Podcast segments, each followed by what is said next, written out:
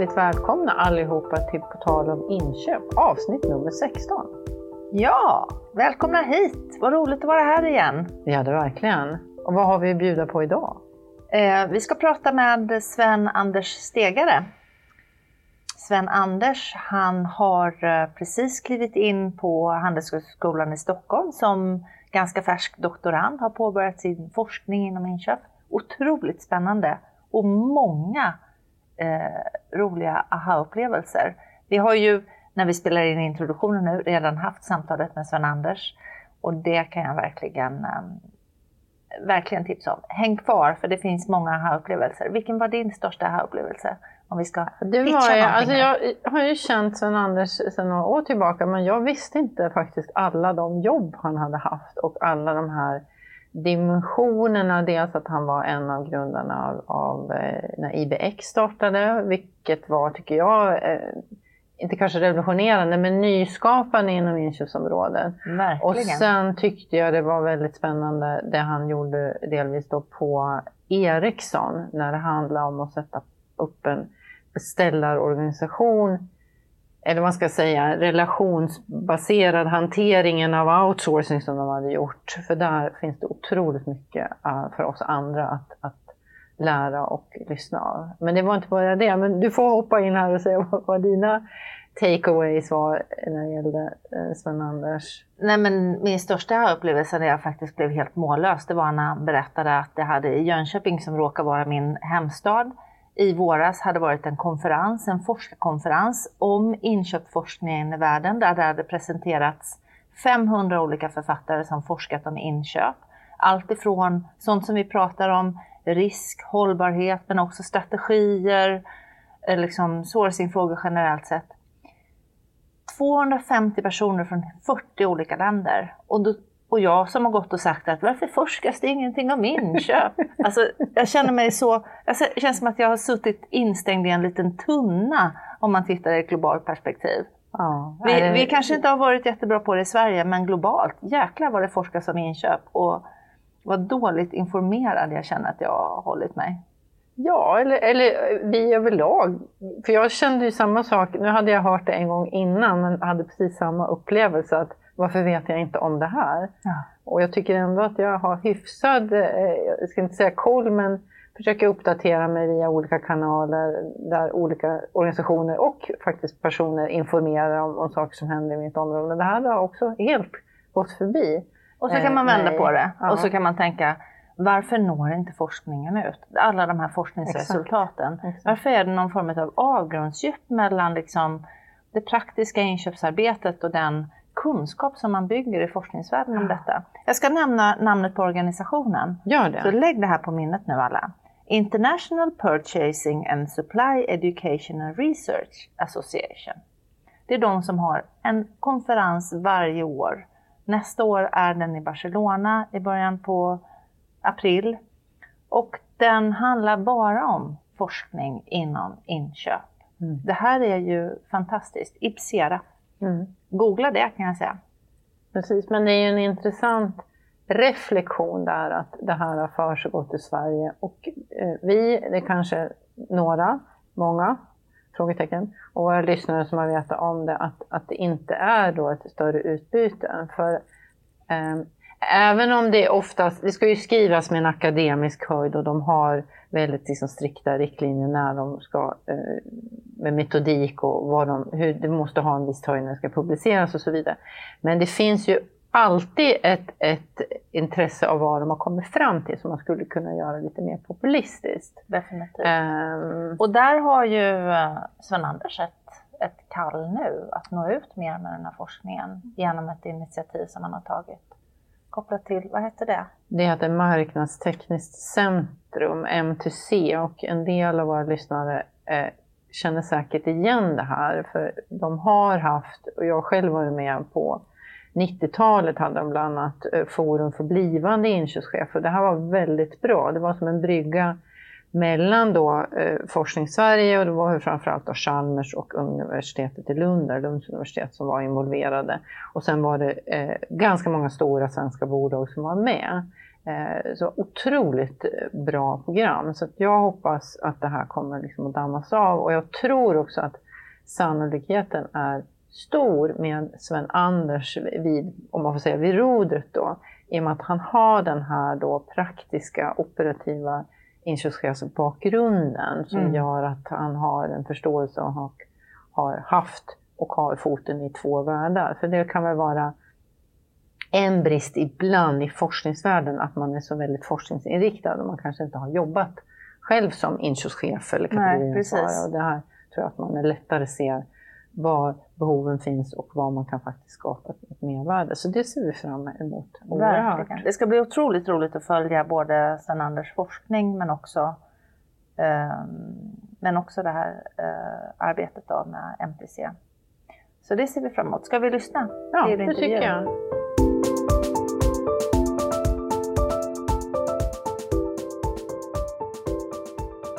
Hej Sven-Anders Stegare! Välkommen till På tal om inköp, till vår podd. Jätteroligt att ha dig här. Du är doktorand på eh, Handelshögskolan i Stockholm. Och idag ska vi prata med dig om eh, ditt förflutet eh, inom inköpsområdet och ja, lite grann om ditt uppdrag som du har nu och hur du jobbar som, som forskare inom det här området. Jättespännande, tycker vi.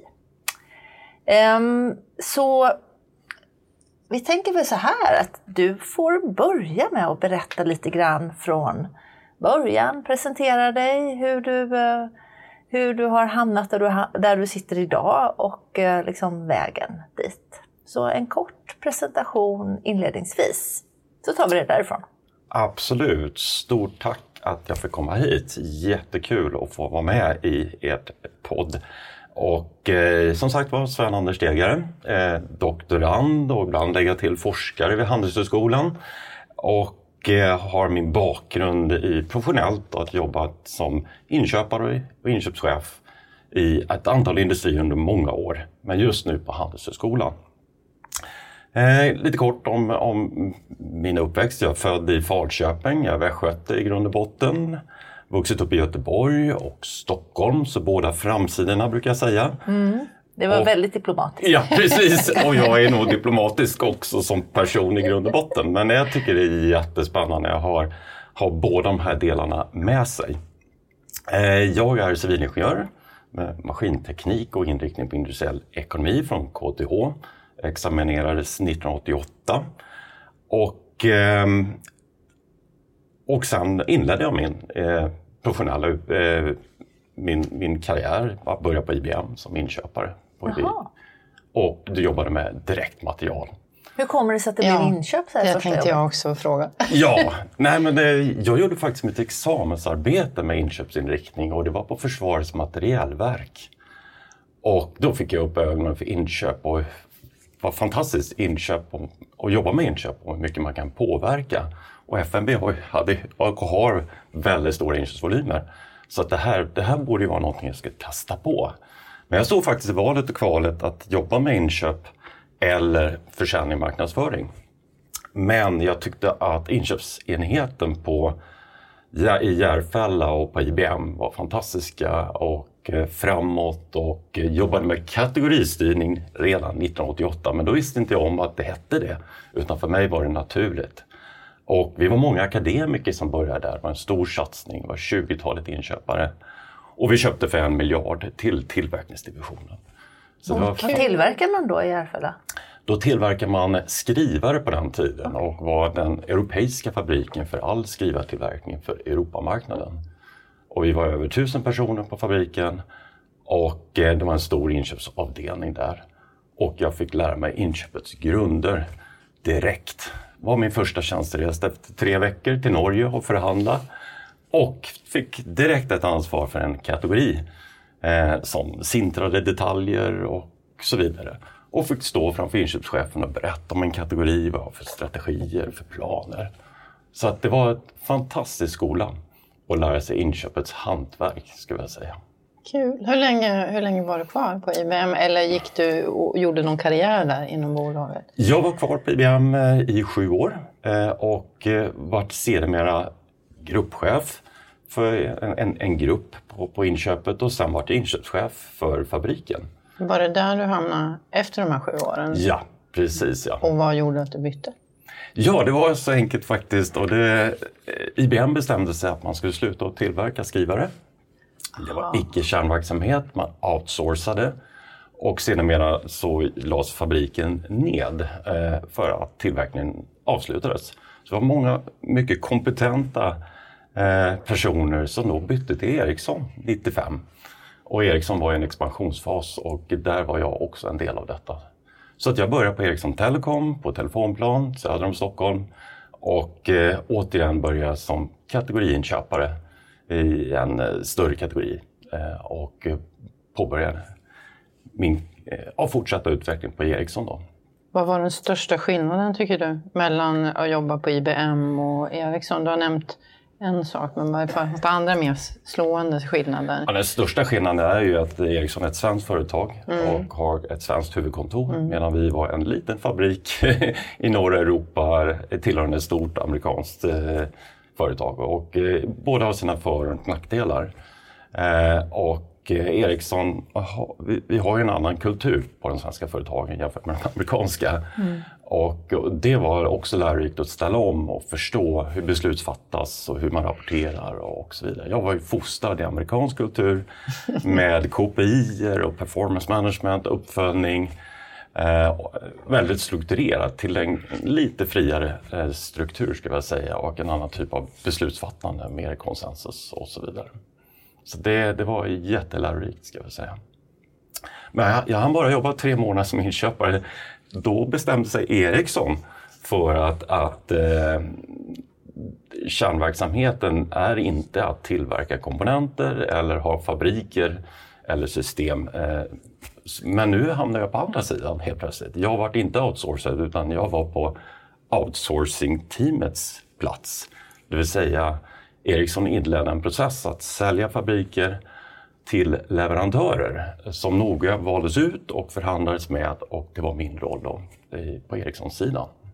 Att förhandla med nya, med, nya alltså med sådana som skulle out, Ja, som skulle ta över våra fabriker med personal, med produktionsutrustning och så vidare. Och vi var ett outsourcing-team och det här var på Ericsson Telecom, den fasta nätsidan. Eh, och det var där man började resan på Ericsson, typ 95-96 med att outsourca icke-kärnverksamhet, och det vill säga tillverkningen. Det här fortsatte ju sen på radiosidan i slutet på 90-talet. Mm. Men eh, jag var med i början och vi var ett litet team eh, som jobbade med detta och det var inköpet i front tillsammans med, eh, med tillverkningssidan självklart och beställare. Eh, och jag fick då förmånen att åka runt i världen och vara med i de olika förhandlingarna att sälja de fabriker som Ericsson hade på den fasta nätsidan. Gud vad spännande, tänker jag. Vad tog du med dig som inköpare då i de delarna? Vad, vad, vilken kompetens liksom kände du att du hade mest nytta utav? Ja, det var min grundutbildning från IBM. Eh, det vill säga att eh, här ska vi sätta upp en helt ny varugrupp kan man ju säga då. Ja det vill säga boxbild eller, eller kontraktstillverkning. Mm. Så det var ju att sätta en helt ny varugruppsstrategi. Att försöka förstå vilka är mina eh, huvudleverantörer. Hur ska vi samarbeta? Var ligger de i Kreilish-matrisen? Jo, de var längst upp till höger, så, bort, så mycket du kan komma längst upp till höger. Mm. Mm. Jättestor business impact och eh, väldigt komplext. Mm. Så här var en, en samarbetsmodell som ska sättas på plats. Men vi följde inköpsprocessen. Vi hade en upphandlingsprocess, vi hade flera som var villiga att ta över fabrikerna och vi förhandlade fram de, de här nya stora leverantörskontrakten. Det låter som ett väldigt framgångsrikt eh, koncept som ni hade. Är det din reflektion i efterhand också? Att, ja, det var det väldigt min reflektion med framsynt inköpschef och framsynt ledning och, eh, och vi som hade förmånen att jobba eh, tillsammans med, med, med produktionschef, inköpschef och, och, i ett litet team, ett mm. tvärfunktionellt team mm. för att jobba igenom det här. Så det, hur lång tid tog de här affärerna? Alltså det, hur länge höll ni på med det? Eh, varje affär, och det här var ju flera affärer, vi mm, började på komponenttillverkningsnivån längst ner i värdekedjan mm. med fabriker i Östersund eller Karlskrona och så vidare. Och sen var det upp på boxbildnivå, det vill säga Norrköping eller borta i USA eller Sao Paulo. Så att eh, varje sån här affär bedömde 9 till 12 månader för att sätta det. Parallellt fick jag ett ansvar att bygga den nya beställarorganisationen. Vilket var superviktigt, det vill säga att vi måste ha ett otroligt kompetent gäng att, att kunna managera de här nya leverantörerna eh, och det nya gränssnittet och vår, vår, vår, vår före detta kollegor som jobbar i de här företagen. Då. Så att eh, så inköpet byggde upp en, en tvärfunktionell organisation bestående av beställarkompetens, av inköparkompetens, av kvalitetstekniker och, och så vidare. Så att, eh, jag tror vi var ett 20-tal personer som jag var ansvarig för när det gäller eh, den kontraktstillverkningen som låg inom mitt ansvar. Då. Och då var det tre större kontraktstillverkare som, som vi hanterade med ett 20-tal personer. Vad var den främsta liksom, målbilden som man jobbade mot när man gjorde den här stora förändringen? Var det Målbilden, effektivisering? Eller var det... Ja, det är effektivisering mm. eh, och en fokus på vad är vår kärnverksamhet? Mm. Vad är det vi gör skillnad mot våra kunder? Vad är det vi kan excellera på? Mm. Eh, och det är ju inte då tillverkning Nej. utan vi gjorde en klassisk heatmap mm. och så det här är någonting. Mm. Sen kan det vara icke-kärnverksamhet men det finns ingen där ute i marknaden som kan ta över. Då får man ju fortsätta med sin icke-kärnverksamhet. Sen kan det också vara att, att en del komponenter är kärnverksamhet. Eh, och de fortsätter vi att köpa och skicka då till våra kontraktstillverkare. För att vi vill inte tappa då teknologin kan vara mm. RF-komponenter mm. eller någonting mm. annat. Så det var viktigt också. Mm. Så det är ju inte hela värdekedjan som åkte ut med badvattnet utan det här gäller att ha kontroll på den värdekedjan även om den managerades utav First Tier-leverantören för första nivån. Då. Gud vad spännande. Hur länge var du på Ericsson och bytte du fler, fick ja. du fler roller? Eh, jag fick ju roll först som, som strategisk inköpare mm. i tre månader. Mm. och sen kom min chef och sa det var ett misstag, du ska gå in och, och bli ansvarig för, för den här processen. Så då jobbade jag ett projektteam i ett år. Och sen jobbade jag som och bygga upp den här beställorganisationen mm. ytterligare något år. Så att jag var tre år på, på Ericsson. Från 95 till 98. Men du hann ju med sjukt mycket på ja. tre år. Ja, det var ju intensiv år kan jag ja. säga. Precis.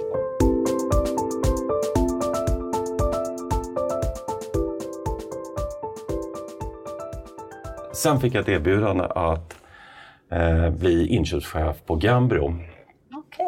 Mm. Och, eh, så då tog jag den möjligheten. Att, att, eh, och det var min inköpschef då på, eh, på Ericsson som då hade en ny roll och, och jag klev vidare i den här rollen i Gambro. Och, eh, Berätta bara kort ja, vad det är för verksamhet. Så exakt, jag tänkte samma, samma ja, sak. Det, Gambro eh, hade på den tiden både tillverkning av dialysutrustning eh, och eh, för eh, njurpatienter. Och sen hade man kliniker också, så man hade både och. Då. Och jag var på tillverkningssidan, på, på, på, på utrustningssidan. Hade man kliniker också? Ja, man hade köpt ett eh, stor antal, stort antal kliniker i USA mm. på den tiden som man senare mera sålde. Så att det var, en, var en, ett stort affärsområde och det, det ursprungliga affärsområdet kommer från Gamla Lund, det är ju mm. själva tillverkningen av dialysutrustning. Då. Flyttade du till Lund då eller? Nej, huvudkontoret låg här i Stockholm. Mm. Men eh, 90-95 procent av all verksamhet låg faktiskt utanför Sverige i, på den tiden för Gambro. Och Lund var en, en viktigt, eh, självklart, men huvudkontoret var här i Stockholm.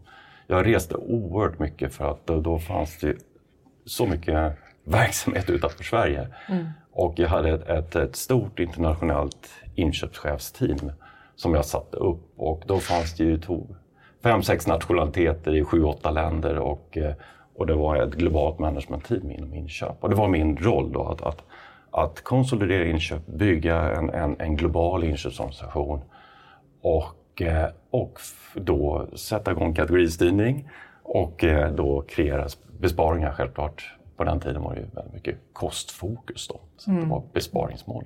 Men då var det inte så när du kom, utan då såg det ut på ett annat sätt? Ja, nej, precis. Ja. Då var det väldigt decentraliserat och man hade inte de här koordineringarna, varken på inköp eller inte ens på operationssidan, på tillverkningssidan. Så det var, jag var en del av ett större förändringsprogram att konsolidera eh, verksamheten då, och tillverkaren och operations. Då.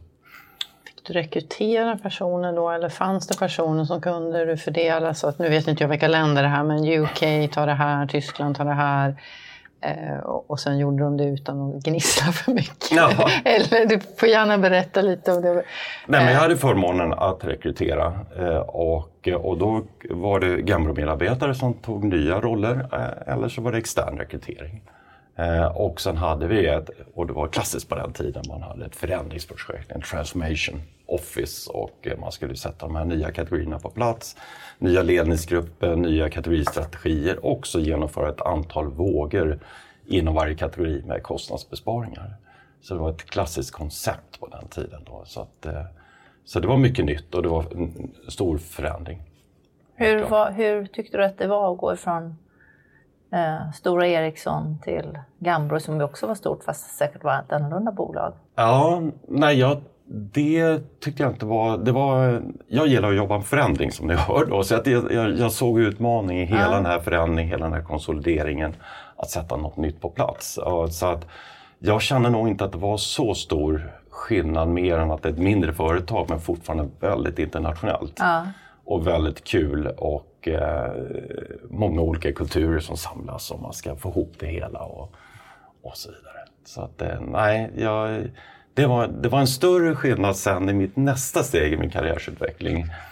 Eh, för då, jag var bara två år på Gambro och eh, efter det så så kom det då kollegor från Gambro och Ericsson till mig och sa att du, vi har ett, ett initiativ här. Vi ska köra igång ett nytt företag från scratch.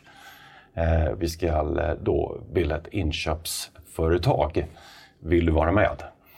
Och då brukar jag säga att jag kom från Kristallkronorna och, och det, det här stora företaget till en lägenhet i, i Stockholm.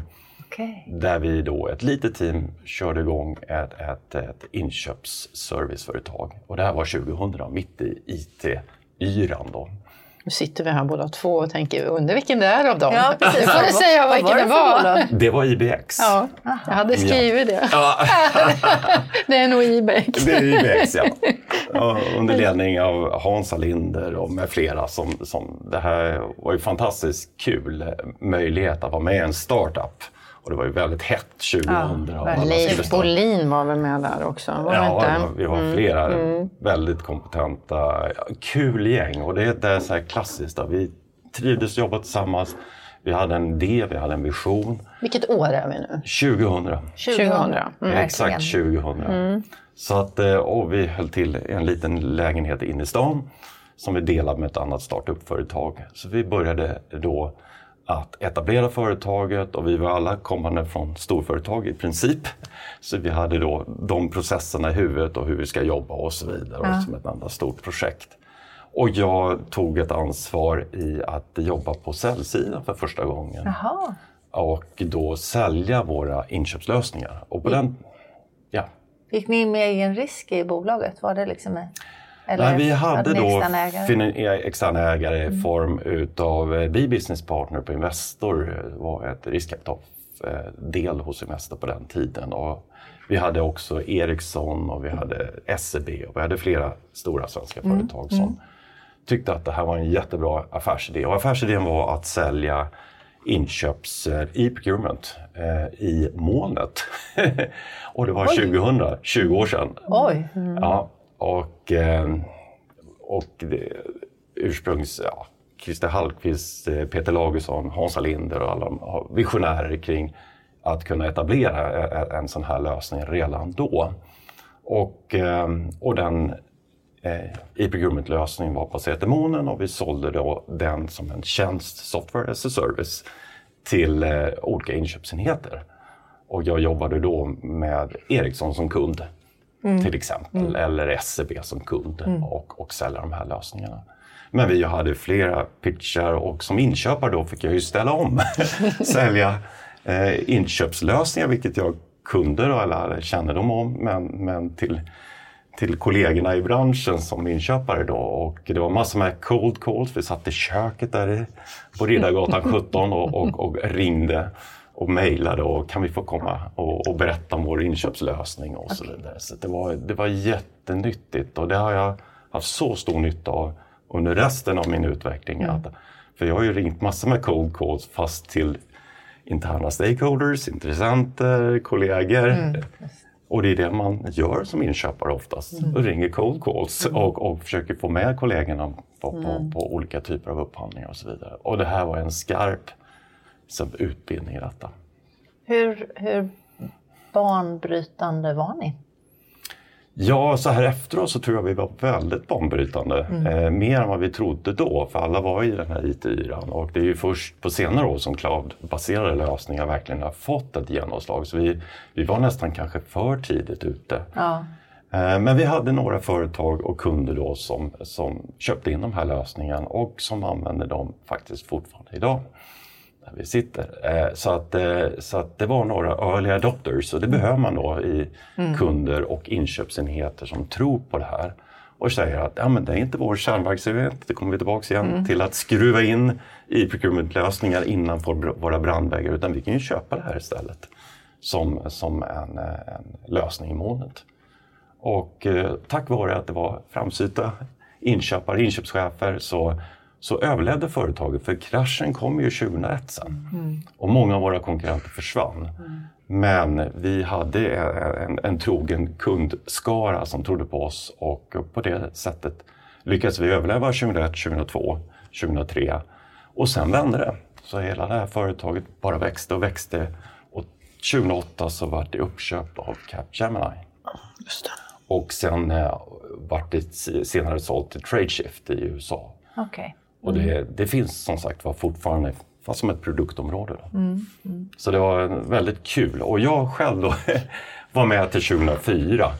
Och eh, då var vi väl typ hundratalet i företaget. Hade kontor i de nordiska huvudstäderna. Och sen fortsatte en expansionsresa i Tyskland och i England. Ehm, eh, efter jag hade lämnat också. Så det, det, det var ju ganska stort det här till slut. Då. Från den här lägenheten på ja, Riddargatan 17. Var du kvar på säljsidan hela tiden? Eller? Ja, jag var kvar och jobbade som konsult och konsultchef mm. mm. på säljsidan och vart sedermera uthyrd till SEB eh, till, och eh, jobbade som tillförordnad inköpschef, koncerninköpschef på SEB. Mm. Och sen så fick jag ett erbjudande på SEB att kom över här, nu har ni visat på vilka möjligheter det finns här på SEB. Då eh, fick jag möjlighet 2004 då att eh, bli koncerninköpschef på SEB och eh, inledde då en förändringsresa igen kring att etablera ett globalt inköp på SEB. Vilket också var en fantastiskt kul resa.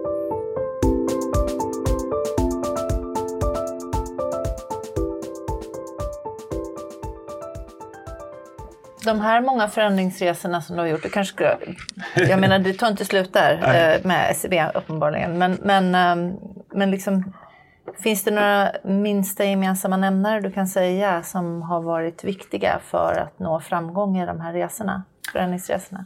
Ja, absolut. Ehm, först och främst att man själv eh, har en nyfikenhet och tycker att det här är jättespännande och väldigt kul. Um, känns lite sådär otäckt också givetvis, man ger sig ut på något nytt och, mm. och, och, så vidare. Men då att man har eh, eh, kompetenta, trevliga och kul kollegor runt omkring sig och att man är ett team som trivs. Och det är då som jag har erfarit, det är då som det går som bäst. Och så det är så viktigt att, att ha det här gänget runt. Man kan inte klara det här själv utan man behöver ha så det har varit en genomgående faktor. Så fort det har gått dåligt på något sätt så beror det på att det har gnisslat eller det inte varit rätt kompetens eller att man inte har funkat eller jag har tagit fel beslut eller, eller någon annan och så vidare. Så att kollegorna är nummer ett. Mm. Så att, och sen är det allt som alltid ordning och reda, struktur, en plan, mäta och följa upp. Jag har min amerikanska fostran kring mm mina five ups, vad är mina fem viktigaste mål? Och jag mäter ständigt och följer upp och eh, rapporterar tillbaks. Då. Mm. Så att ordning och reda, struktur, men en vision som man drivs av och tycker är spännande och, och att man har ett gäng som delar den visionen. Oavsett vad det är. Då, mm. då, då, då har man roligt. Mm. Och du kom in på SCB, e du fick ett uh, förändringsuppdrag där också. Ja. Uh, och uh, du ledde det. Hur länge då? Hur länge var du där? Eh, jag var inköpschef i tio år, från 2004 till 2014. Var det liksom din längsta anställning sen du... Ja, jag är fortfarande anställd på SCB. Ja, du är det? Ja, men, oj, ja, men då så. Så att, eh, jag tappar räkningen nu, så att det, det är absolut min längsta. Det är Ja. 17-18 Ja, år nu. precis. Ja, det blir- det är gott betyg till SCB. Ja, ja, ja, SCB är en fantastisk eh, arbetsgivare och väldigt kul. Och jag är ju då eh, tjänstledig för studier. Ja. Så, ah, och det är också en fantastisk möjlighet att kunna göra detta. Så att jag ju jobbade på SCB fram till förra året, men är tjänstledig för studier just nu. Då. Har du haft, hade du samma roll hela tiden fram tills du tog ledigt för studier? Nej, eh, tio år som inköpschef och sen eh, tre år ska jag säga på, som affärsutvecklingsansvarig på Group Finance på SEB. Och jobbar med, med affärsutveckling, väldigt spännande fast i ett nytt område. Och sen från 2018 fram till nu förra året så har jag varit partneransvarig och chef för de partnersamarbeten som vi har haft på kontorsrörelsesidan, retail. Och eh, då gentemot kund så erbjuder då SEB banktjänster givetvis, men erbjuder också familjejuridik eller försäkringar och så vidare. Och då har vi samarbete med Trygg-Hansa och eh, eh, andra liksom, bolag som stärker upp då det, det här erbjudandet mot kund. Och det kan ju inte SEB leverera själva utan då tar vi hjälp av partners. Och det där är mitt ansvar att förhandla och ta fram erbjudanden och partners tillsammans med mina kollegor för jag gör ju inte det här själv självklart. Det finns liksom en tydlig röd tråd ändå. Det tänker jag också. Ändå, det Ja, så att jag inte trodde det, men, men man hör ju det. Ja, Men, faktiskt. Men, men ska vi gå in på det du, du jobbar med nu? För Ja. det är ju jätte... Ja, ja, eh, med den entusiasm du har haft i alla dina uppdrag så borde du vara supertaggad på det här nu då. ja, ja absolut. Nej, men jag känner ju då efter att ha jobbat, det är knappt man vågar säga det då, 30 år med inköp. Att vad, vad kan jag utvecklas vidare nu med? Vad kan jag göra mer? Vad kan jag göra för skillnad? Vad är roligt? Eh, för att, eh, och då tänkte jag, ja men akademin och forskning inom inköp. Jag har alltid varit intresserad av och nyfiken på vad det är som händer där ute. Alltid när i våra länsgrupper, vad säger Benchmark? Vem är det som är duktig på det här? Och, och, och vad kan vi göra som andra gör? Och varit nyfiken på detta. Och då kände jag att eh, ja, men forskningen har ju väldigt mycket. Jag har faktiskt gästföreläst på Handelshögskolan för Björn Axelsson, mm. Sveriges första inköpsprofessor 2005. Och eh, tyckte det var väldigt kul att träffa eleverna, studenterna, Björn och, och akademin. Så jag kände men det här vore väl någonting att utveckla sig. Och det är ju inte så många som forskar på inköp. Och, eh, så att jag tog kontakt med Handelshögskolan och Björn och sa kan jag få komma till er och, och forska på inköp och bli doktorand? Ja, det går jättebra. bara, bara du kommer som har, har finansiering, Just det. en liten detalj. och inköp, det känner vi väl till här på Handelshögskolan. Och, eh, så att det går jättebra. Det passar alldeles utmärkt in i, i strategi och marknad som är den eh, institution som jag tillhör. Och det finns en tradition att forska på inköp som sagt var. Då. Eh, Så att det är en del och för min personliga utveckling. Men den andra delen är ju också, ja men det finns ju så mycket kunskap här på forskarsidan. Men hur kan vi liksom få den här kunskapen till, till mina och våra kollegor inom inköp då och ta del av det, brygga den här kunskapen. Så jag har ju lite naivt kanske en idé då för the greater good. Att man, att man kan då dela med sig av all den här forskning som sker inom inköp till alla praktiker som man säger i akademin, utövare, inköpare och kunna lära sig av det. För här pågår ju väldigt mycket forskning. Och det någonstans eh, tror man ju inte när man jobbar praktiskt. Eller Nej. vet man inte när man jobbar praktiskt. jag visste inte det heller. Nej. Så, så, det måste du berätta om, både här och... Du har, du har liksom tänkt att du ska sprida den här forskningen på något sätt? Ja, så att jag fick ju en idé samtidigt då eh, som jag själv fick en idé att jag skulle doktorera. Att kan vi inte etablera en, en, en forskningscenter kring inköp här i Sverige? Eh, och eh, samla kompetens kring inköpsforskning eh, i, under ett paraply. Eh, det, och det ska absolut inte bara vara Handelshögskolan utan det ska vara KTH, det ska vara Lund eller Chalmers och alla forskare som har en inköpsanknytning kan vi inte samla det under en forskningscenter eh, baserat på en forskningsstiftelse och, eh, och då vara en mötesplats för forskare och inköpare där man kan dela den här informationen på alla möjliga sätt. Allt från seminarier till webbar och, och så vidare. Och så vidare. Och eh, den idén hade jag eh, när jag kom och det var lite entreprenöriellt då. Tänkte det är lite startup-känsla över det här igen kände jag då. Men jag tog den med, med eh, vår chef för institutionen, Hans Kjellberg och, eh, och också Per Andersson som är min handledare. Eh, och de tände ju på alla cylindrar. Såklart vi måste ha ett inköpsforskningscenter. Det tog inte mer än två veckor och här innan jag började som doktorand så, så, så hörde Hans av sig och sa du, vi har en stiftelse här som skulle passa alldeles utmärkt som en forskningsstiftelse för inköp. Den heter MTC, Marknadstekniskt centrum. Och den har funnits sedan 1974. Och den uppgiften för MTC har varit just att brygga mellan akademi och, och eh, praktik. Och då har MTC historiskt haft inköpfokus men mycket marknadsfokus och så vidare. Men den stiftelsen, den är vi på väg att lägga ner. Kan ni ta över den? Och eh, det skulle vara en utmärkt bas för, för ett forskningscenter. Och jag sträckte upp handen och Per sträckte upp handen och Hans och, och, och med flera. Ja men det här gör vi. Så nu har vi en forskningsstiftelse här. Vi har en, ett fundament, en grund för att eh, bilda ett forskningscenter kring inköp. Så nu är det upp till oss och vi andra som ska engagera oss och få den här att flyga. Då. Mm. då kan väl jag säga att jag har ju varit med i det här ja. MTC fast ja, 97 kanske. Ja, ja. Eh, och det var precis som du beskriver det då, att det var ju forskare då från Lund och Luleå och Chalmers som var med.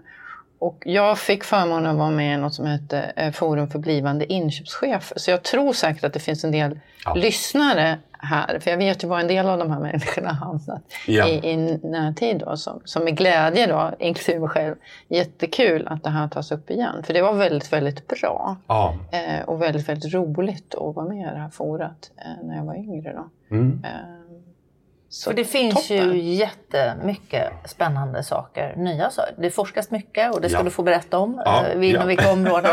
Men, men det finns ju också väldigt många nya områden mm. att forska runt som kanske blir, är mer, jag vet inte, multidisciplinärt. Jag tycker det här är svårt liksom, för det finns ju inom olika, inom olika discipliner eller inom olika liksom, områden som man forskar inom det.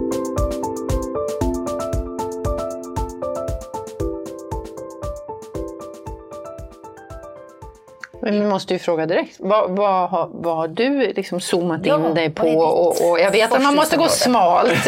Smärtsamt för dig antar jag. som vill vara, förändra på många ställen. Men vad har, vad har du valt? Vad är din forskning inriktad mot? Ja, min, min forskning och det här, precis som du säger, var väldigt svårt. Jag brinner ju för hela inköpet. Jag tycker massor med roliga grejer man kan göra inom inköp. Men det som, är, som jag känner väldigt mycket för personligen och, och som är aktuellt, det är hållbarhet och hållbart inköp. Eh, och, eh, och jag brinner extra mycket för den sociala hållbarheten. Eh, det har beforskats väldigt mycket kring, kring miljön och det gröna och det är superbra, det har man forskat i tio år. Men social hållbarhet kring arbetskraftsexploatering, kring att säkerställa att man ja, har en social hållbar leverantörskedja. Där har det inte forskats så mycket. Så, och där kände jag, men det här vore ju jättespännande och otroligt viktigt. Och eh, framförallt då i, i den miljön vi lever i med, med stor invandring, många migranter eh, och eh, ett dilemma för inköpschefer ofta kring ja, hur ska jag säkra min sociala hållbarhet i min leverantörskedja. Jag har koll på miljön och så vidare. Men jag, jag, jag vet ju bara vad min första leverantör, eller första nivåns leverantör gör för någonting. Men jag vet inte vad som händer längre ner i leverantörskedjan. Så det, där... det där är ju superspännande ja. och dessutom så kommer det så mycket regleringar också på, ja. på internationell nivå inom det här området. Yes. Som också ställer krav på, på näringsliv och offentlig sektor ja. att jobba med det här. Ja. Har du ställt dig själv i din forskning någon fråga eller har du någon hypotes? Den kanske du inte får avslöja med det, men som, som avslöjar lite vad är du på? på... Jag, jag kommer ju, jag, mitt hjärta är ju inköp och jag kommer ju därifrån och, och jag kommer ju ifrån att, att inköp kan göra stor skillnad.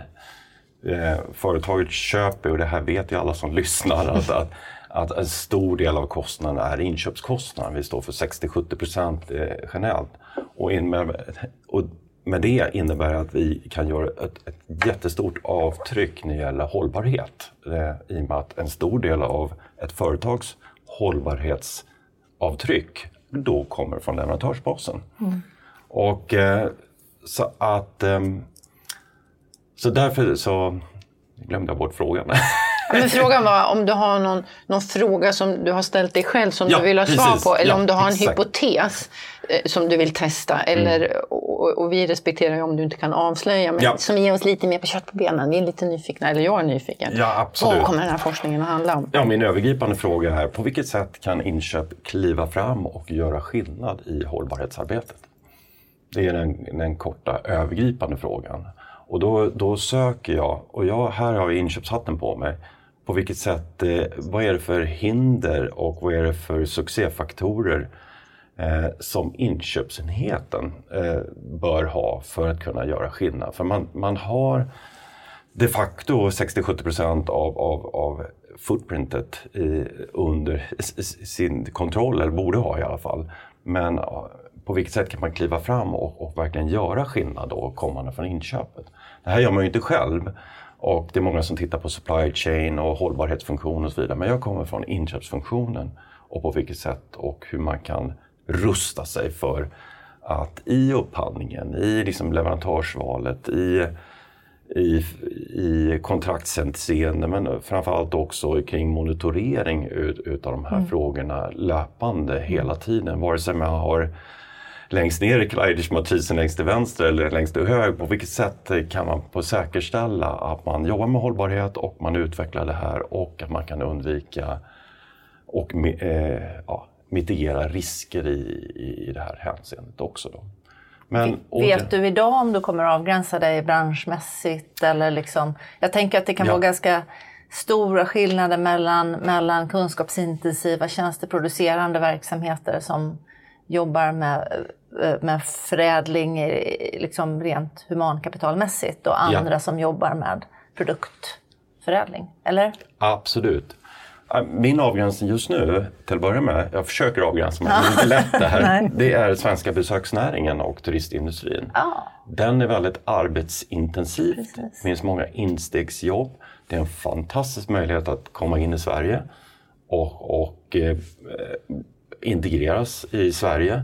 Men det är också en stora risker kring att man hamnar snett, man får inte avtalsenlig lön, man har osäkra arbetsvillkor, man har ett arbetstillstånd som är knutet till sin arbetsgivare, så man sitter i en bonding-situation. Så det finns en hel del risker också utifrån det här. Och eh, då vill jag se, återigen från inköpschefens synvinkel, på vilket sätt kan jag ha koll på mitt leverantörsled när jag köper då hotellnätter eller om jag köper flyg eller vad jag nu gör inom den svenska turistnäringen kommande från offentlig sektor eller från privat sektor där man gör upphandlingar. Och jag tänker i första hand på till exempel hotellindustrin där, där en hel del outsourcas ytterligare led hela mm. vägen ner mm. till olika nivåer. Men det kan vara andra delar inom den svenska turistnäringen också. Som, så att där har jag i alla fall försökt kommit ner lite och mer avgränsat. Då. Hur ligger, hur ligger det till eh, planmässigt? När får, kan vi träffa dig igen? Få höra. ja, precis. Har du någon sån vi där in en eh, tentativ eh, plan där du tror att du kommer att vara, nu gör jag så här situationstecken, klar? Ja, just det. Eh, vad, vad, vad, vad ligger framgent? Absolut. Ett halvt steg, hela min utbildning och doktorandutbildning är fyra och ett halvt eller fem år. Och eh, här utbildar jag mig till forskare vilket jag tycker är fantastiskt mm. kul. Mm. Jag får en yrkesutbildning mm. och är väldigt ödmjuk inför det. Så mitt första år har varit väldigt mycket att, att utbilda mig men självklart ta fram den här planen vad jag ska forska inom. Så just nu där vi sitter här har jag börjat att skissa på min första artikel i det här området och eh, har faktiskt genomfört första intervju Eh, som forskare eh, och doktorand eh, och börjat den här resan. Så jag räknar med att, att kunna ha en artikel framme här i början på nästa år eller i, under nästa år. Sen ska den godkännas och reviewas och så vidare. Men hela min doktorsavhandling är då artikelbaserad. Eh, och eh, där är det tre till fyra artiklar som jag kommer att skriva fram till 2024. Men eh, jag kommer ju ta del av, av mycket forskning utmed resans gång som jag kan dela med mig. Eh, och, eh, förutom min egen forskning. Men med min egen forskning så är det då tre, fyra artiklar kommande tre åren kan man ju säga. Då. Precis. Blir det publicerat då i typ uh, Journal of uh, Supply Management, alltså de här ja, forskningsbaserade? Forsknings, ja, uh. precis. Min tanke är att få det publicerat och förståeligt under MTC och, och i forskningscenter och kunna dela med information. Och mm, jag har också en inriktning att ha väldigt praktisk forskning av naturliga skäl. Jag tänkte ju säga det. Ja, mm. och jag vill ju att mm. min forskning ska kunna användas faktiskt rakt av. Ja, ja. Och eh, vill jag göra den tydlig på det sättet. Då. Men, men, men du säger ju det, du tar del av väldigt mycket annan forskning och du har varit inne på det tidigare. Det forskas mm. väldigt mycket på inköp och ja. någonstans så sitter man, i alla fall jag som gammal praktiker och, och mm. tänker okej, okay. alltså det är klart att man, att man försöker ta del av forskning men man upplever ju ändå inte att, att det eh, forskas mycket om inköp och där, där behöver du hjälpa oss och våra lyssnare att förstå vad är det för forskning som, som pågår och som ja. är stor inom inköpsområdet? Ja, eh, och det är väl både ja och nej. Eh, I Norden så är vi inte så många inköpsforskare och när jag säger inköp då så tar jag verkligen på mig den här gamla praktikerhatten mm, och, mm. och ser det med inköpschefen eller inköparens ögon. Däremot så är det en hel del supply chain. Mm forskning som mm. pågår, logistikforskning och så vidare. Men vi är några få då som kanske har inköpshatten på oss. Ja. Eh, men tittar man i Holland eller USA och i andra europeiska länder så är det massor med inköpsforskare som vi definierar det då. Så det där är ett av syftena med det här forskningscentret, att eh, få upp som ögonen för inköpsforskning och, och ta på inköps...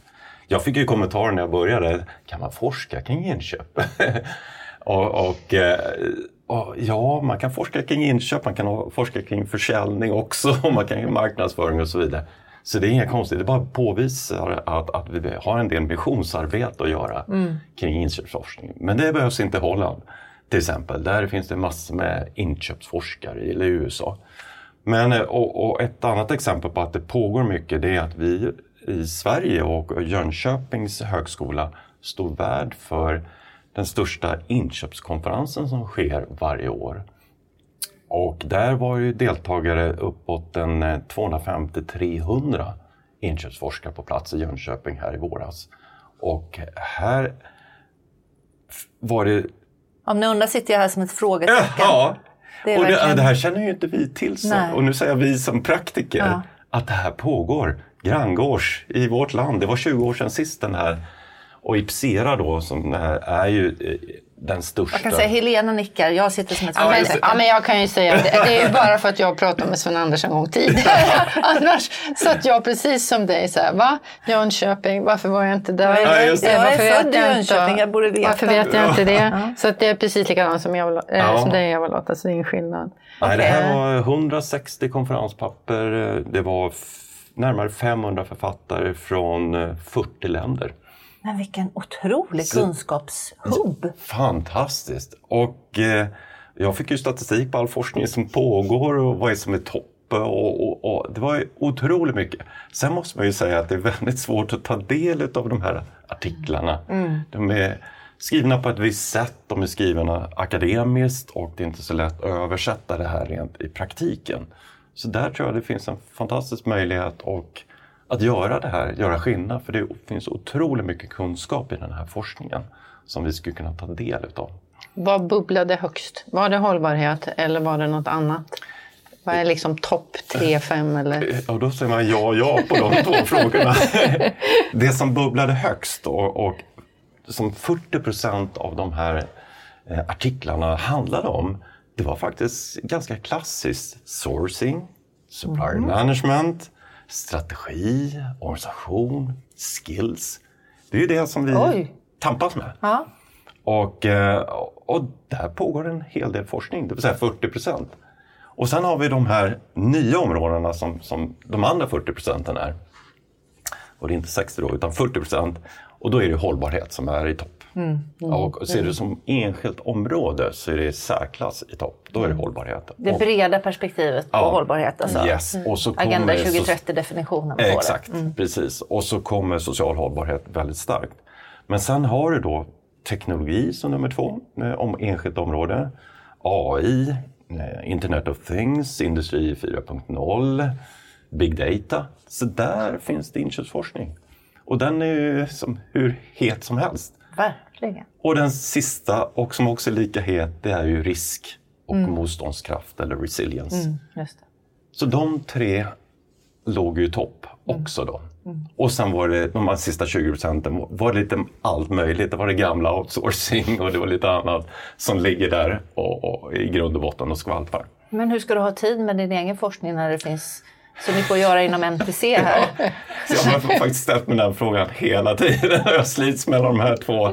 Och med, som vanligt då så kommer jag tillbaka så har jag bara rätt team runt omkring mig. Och, ja. och, och att det är inte jag och det är verkligen inte jag som ska... Jag, jag försöker vara initiativtagare men här, här krävs att vi är flera som hjälps ja, åt så, ja. så kommer det att lösa sig.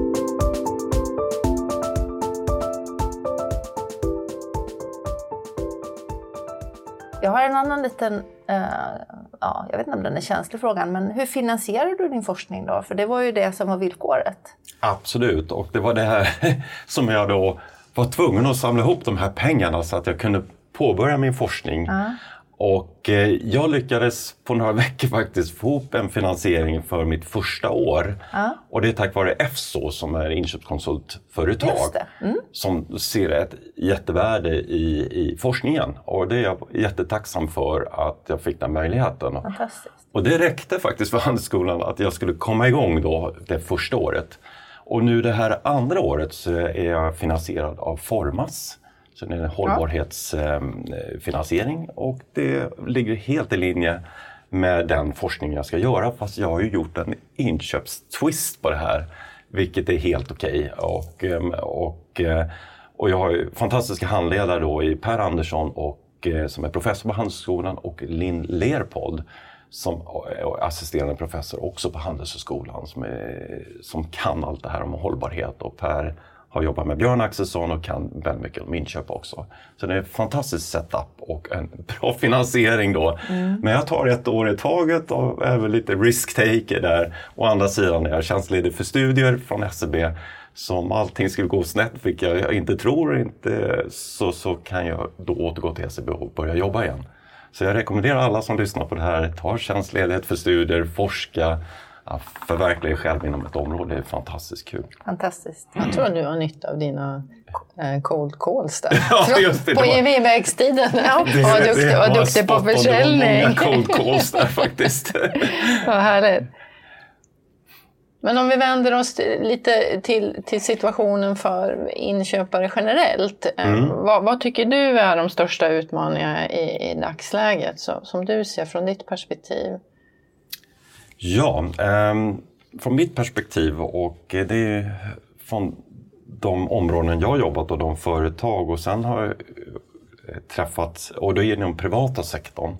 Sen nu i, i den här rollen så har jag ju träffat eh, eh, offentliga sektorn och, och inköpare där så jag har ju fått en viss inblick men det är ju inte min personliga erfarenhet. Men rent generellt så, så är det ju stora utmaningar. Det har, vi, det har vi haft inom inköpet och har fortfarande på alla möjliga sätt. Och eh, jag tycker det, det, här med, och som ni hör på mig då, kring att, att vara proaktiv, att, att kunna liksom förverkliga en vision man har med inköp, att jobba i kategoristyrning eller en transformation och så vidare. Det, att ha förutsättningar för det gör det hela mycket lättare. Men har man inte förutsättningarna, har man inte det här eh, interna samarbetet eller, eller tiden till det hela, då, då blir det mycket tuffare. Jag brukar säga att man 2 plus 2 plus 1 brukar jag säga kring hur man fördelar arbetsveckan. Två dagar med leverantörerna, två dagar med intressenter, stakeholders eh, och en dag för, för personlig utveckling och planering och så vidare. Och oftast hamnar man i de där två dagarna där man är mer reaktiv och får ta väldigt mycket eh, på kontoret, på säga, och inte liksom kunna då ha möjligheten och få förutsättningar att, att göra skillnad kommande från inköp. Då. Mm. Om du skulle ge mm. något tips då, för det är många av våra lyssnare och, och, jag har ju själv varit i den situationen när man har sämre förutsättningar då. Man, man har den här proaktiviteten och den här nyfikenheten och man vill jobba sam, samman och, och, så vidare. Men vad tror du är viktigt för att se till att man får förutsättningar? För på alla mm. ställen har man ju inte det från mm. början. Eh, det kan vara en oförstående ledning, en verksamhet som, som inte förstår det här alls. Eh, och så måste man bygga. Har du något tips där till, till lyssnarna? Ja, eh, det här är ju jättesvårt. det beror ju på vad det, det är för något så Det är det klassiska, kanske. det beror på, mm. ja precis. Men jag kommer nog tillbaka till det här med att, att jobba i team.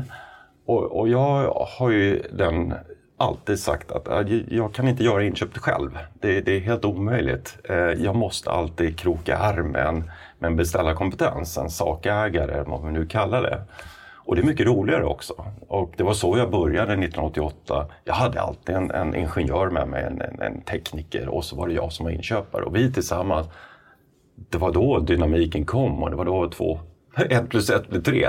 Mm. Och det är det jag ser också, att försök kroka arm med, med någon kollega eh, som är på beställarsidan. Det är då ni tillsammans kan göra det största skillnaden, det största avtrycket. Mm. Mm.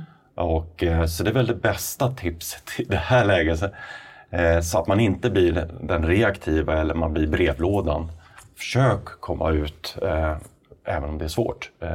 Mm. Men, om, men om du skulle säga att en sak som du tycker är viktig skill eller viktig egenskap om man ska bli riktigt, riktigt duktig inköpare eller alltså jobba med inköp professionellt. Vad, vad, vad skulle du vilja lyfta fram då?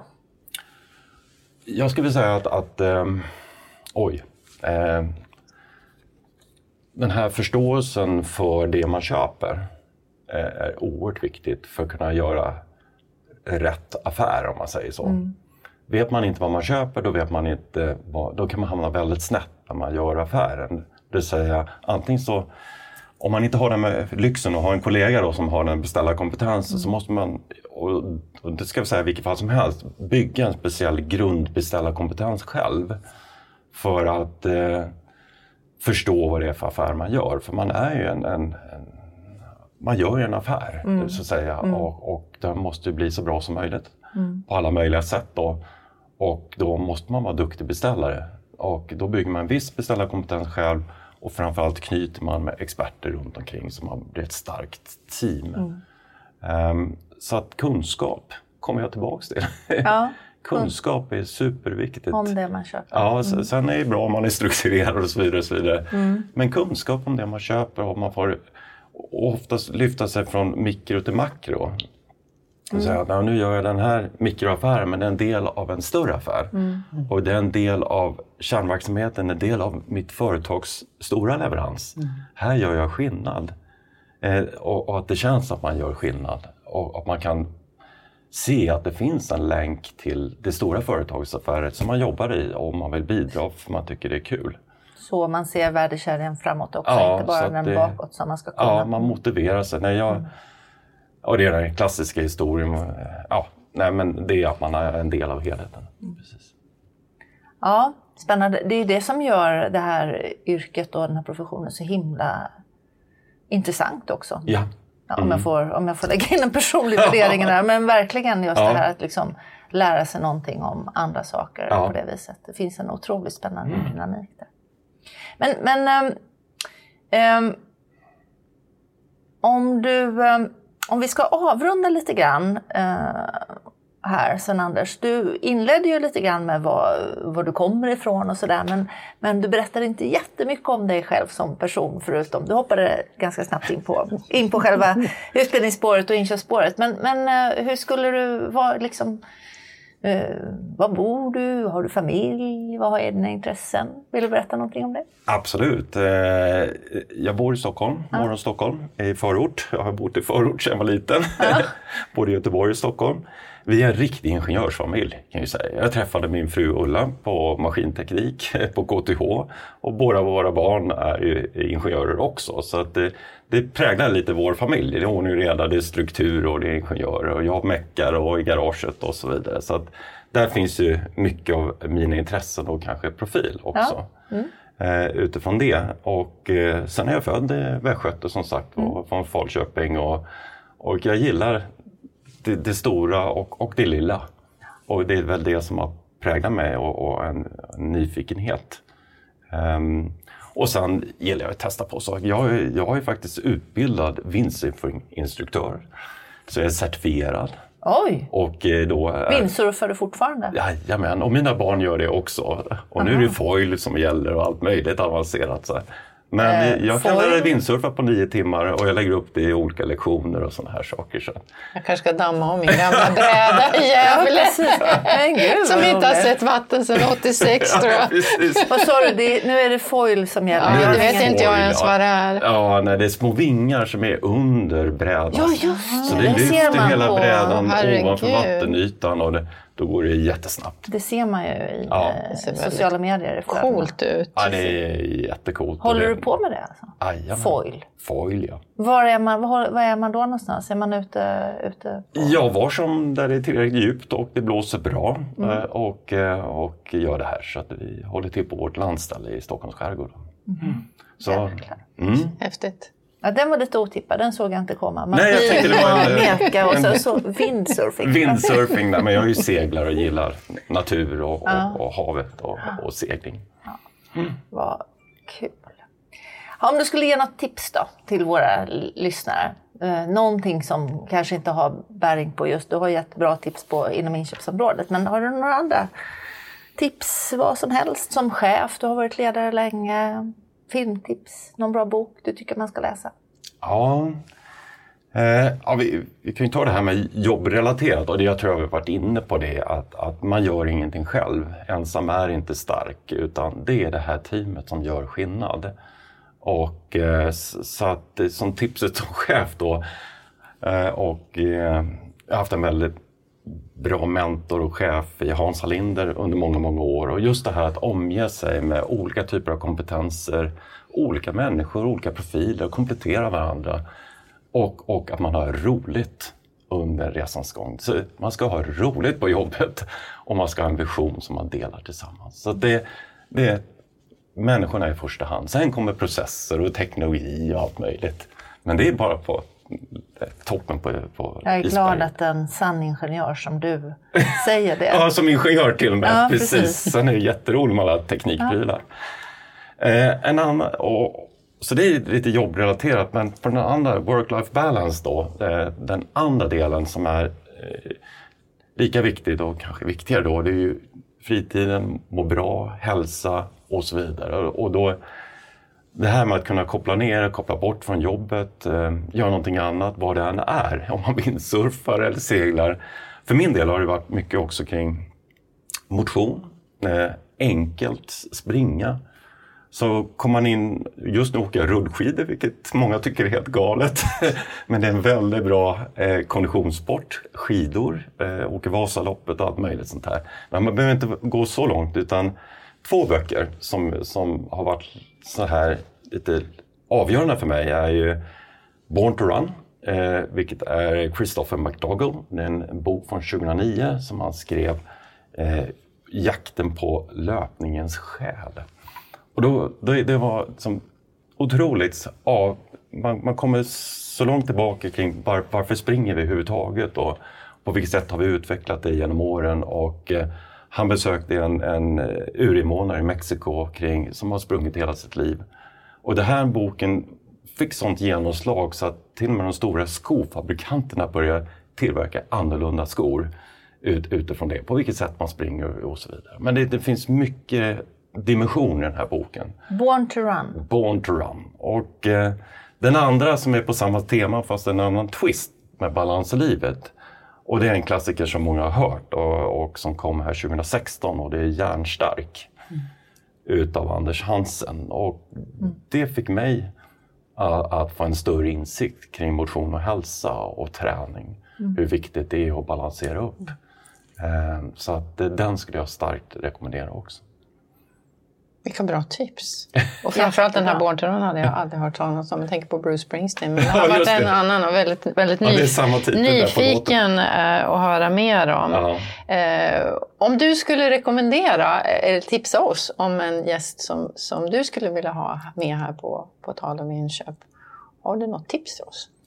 Ja, det har jag ju också. Och nu har jag ju blivit färgad av akademin här och eh, jag skulle tycka det var otroligt spännande om ni kunde bjuda in Arjan van Vele och Frank Rosemeyer. Och de har ju precis släppt en ny bok som heter Procurement and Supply Chain Management. Och eh, att höra dem prata, eh, inte bara om sin bok, men alla sina erfarenheter och, och på vilket sätt. Jag har ju använt deras mm. artiklar även som praktiker mm. eh, och de har ju verkligen eh, gjort skillnad under de här åren. Så det skulle vara jättekul att få höra dem. Och, eh, mm. Det får vi jobba på. Ja, det får ni jobba på. Det skulle vara jätteroligt. Får vi ja, prata engelska också? Ja, ja, ja, jag har hört ryktas om att de är på väg till Sverige och presentera sin bok här i höst. Ah, att, äh, kanske ska haffa dem då. Ja. ja. du får mm. tipsa oss, för ja. du har nog lite bättre koll på akademin äh, än, än oss. Ja. Mm. To, Stort tack eh, Sven-Anders Stegare. var otroligt inspirerande och roligt att höra dig berätta om din resa och om det arbetet du gör nu. Och eh, ja, det är med stor nyfikenhet man vill veta hur, hur eh, det här forskningscentret kommer att utvecklas. Och det ska bli jättekul att följa. Stort tack att jag får komma hit. Jättetrevligt.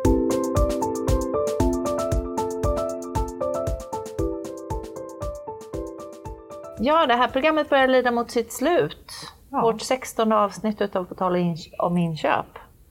Och vad mycket saker jag har lärt mig efter intervjun med Sven-Anders. Stämmer.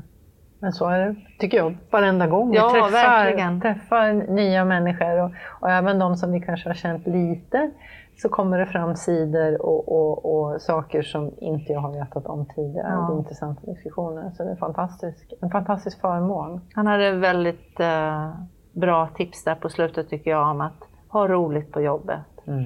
Och eh, liksom, ha det gemensamma, den gemensamma ambitionen och målen i sikte när ni jobbar. Så kommer det bli bra om man jobbar tillsammans med andra Verkligen. bra personer. Ja, eh, mycket tänkvärt och eh, intressant med den där forskningen som vi hade missat. Eller de här 500 papperna eller vad det var han pratade om. Ja, jag, är fortfarande chockad. Um, ja.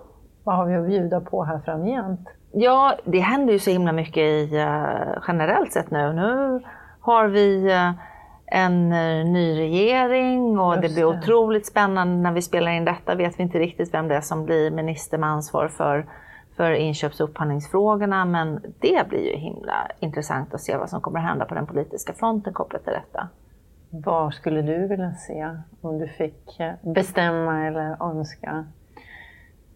Men jag skulle vilja se någon ökad kapacitet och förmåga att jobba tvärs över de, de liksom, eh, olika politiska områdena med den här frågan. Att det blir någonting som inte bara nu, nu landar det väl på, säkert på eh, Finansdepartementet. Men det här är ju någonting som spänner över så otroligt många olika liksom, fält. Miljödepartementet, Socialdepartementet, Näringsdepartementet. Och liksom, det handlar om allt ifrån innovation och miljö och hur kan vi dra nytta utav, liksom, uh, utav den enorma uh, potential som ligger i att alla affärer vi gör med näringslivet på ett bra mm. sätt. Och då är det fler än bara en civilminister med ansvar för offentlig upphandling som måste förstå den här potentialen och se möjligheterna. Och att det finns en synk i de frågorna helt enkelt på regeringskansliet. Det skulle jag önska. Det kan jag också skriva under på. Det var väldigt klokt formulerat tycker jag också. Och, eh, Men vi får se. Gärna någon som har den eh, kompetensen, kunskapen eller åtminstone ett intresse eh, för de här frågorna. Ja, man behöver inte vara expert, eh, men man måste vara intresserad och mm. lite mer nyfiken än att bara tänka en lagstiftning eller någonting sådant, utan se verkligen potentialen. Och det pågår ju otroligt mycket spännande uppdrag som Upphandlingsmyndigheten har som man borde följa upp och liksom jobba med lite mer. Liksom, hur tar vi hand om allt detta och så vidare. Så det ska bli spännande. Men vi har ju ett uh, nytt program som ligger framför oss här som uh, vi också ska producera. Vad, och det vet vi redan nu vad det kommer att handla om. Ja, det vet vi, för vi har eh, lite så här att vi, vi måste komma ikapp. Vi har ju den här ambitionen som är väldigt rolig och trevlig varje år att intervjua årets inköpare som SOI ja. utser. Och vi ligger lite efter där 2020 till 2022 för det dök ju upp något som heter covid-19 som krånglade till det här med, med inspelningen. Så att i nästa avsnitt då kommer alla de här tre ja, det blir på en och samma gång.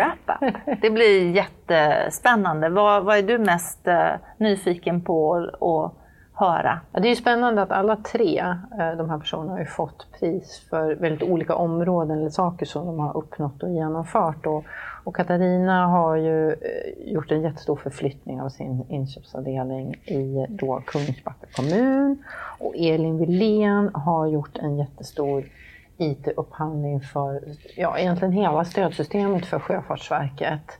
Eh, och det är också väldigt speciellt och spännande att lyssna på. Och Marcus har då den här bloggen.